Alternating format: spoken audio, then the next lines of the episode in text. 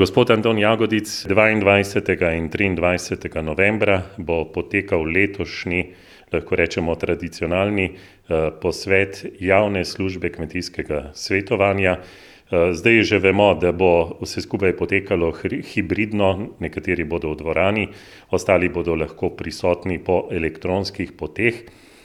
Kaj pa je tista glavna tema, ob kateri eh, bodo potekala razmišljanja in tudi razprava?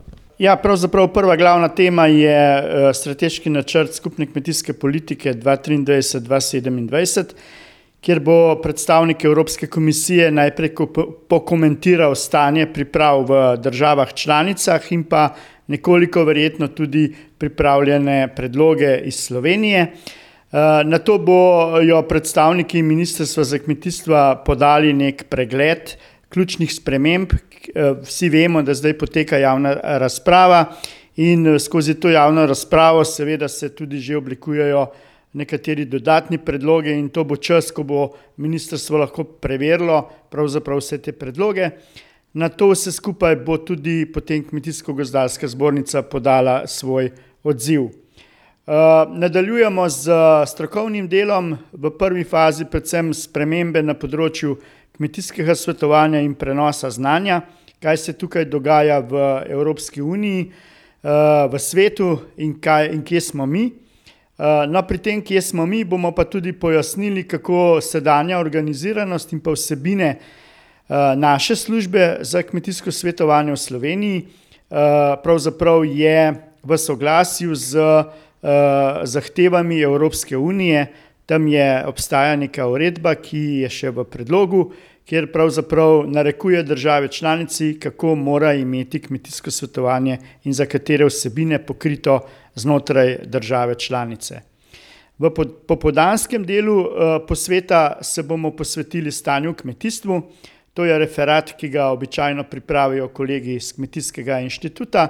Uh, na to bomo pa še zaključili z Eh, nekim, eh, nekim, nekim predavanjem, ki bo namenjeno predvsem eh, odnosu med generacijami. Tudi v kmetijskem svetovanju imamo starejše svetovalce in imamo mlajše svetovalce, in med njimi, seveda, nastopajo neki odnosi, in te odnose moramo razumeti, da lahko tudi v redu in pa zelo dobro delamo.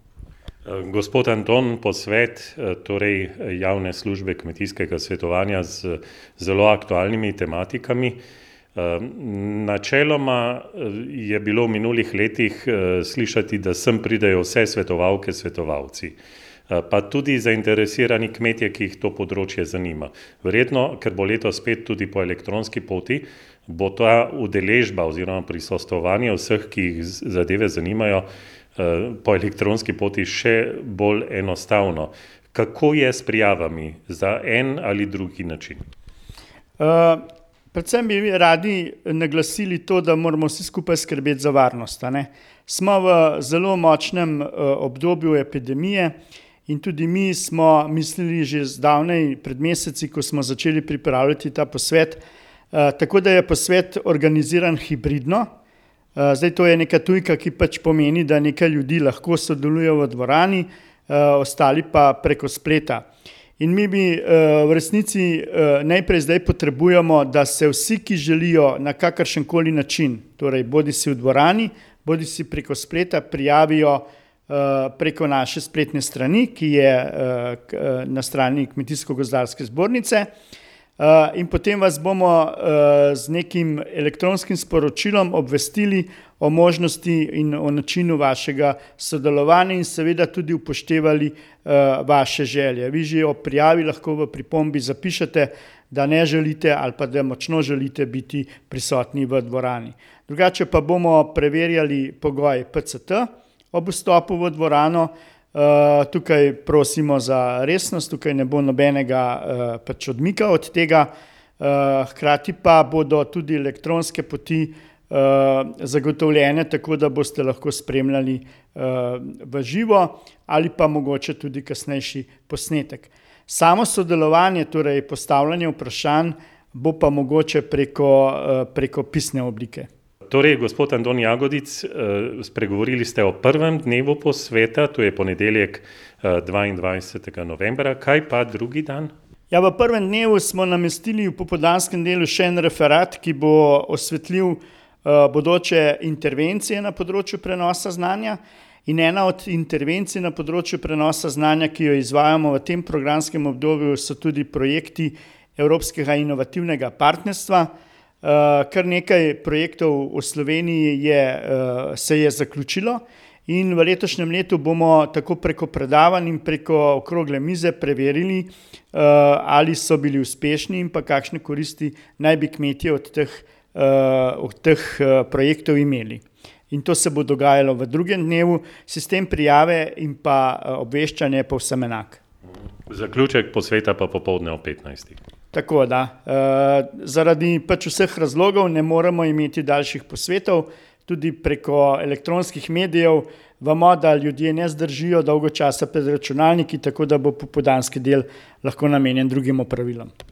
Zgoščeno in aktualno, spoštovane poslušalke in poslušalci, torej vabilo, da si rezervirate dvaindvajseti in triindvajseti november za letošnji posvet javne službe kmetijskega svetovanja. Gospod Anton Jagodic, še enkrat pa morava podčrtati, čim prej naj se prijavijo, prek spleta na spletni strani Kmetijsko-gozdarske zbornice Slovenije. Da, zaradi organizacije celotnega dogodka, res to prosimo. naj za konec še podam to misel, gre za šestintrideseti posvet, malo je organizacij v Sloveniji, ki se lahko pohvalijo s takim dosežkom, da so ob vseh, različnih turbulentnih časih, tudi sedanji čas je tak, uspele organizirati posvet in naš je že šestintrideseti in na to smo lahko ponosni. Hvala lepa, čestitke tudi za to, vse dobro in mi se slišimo spet čez mesec dni.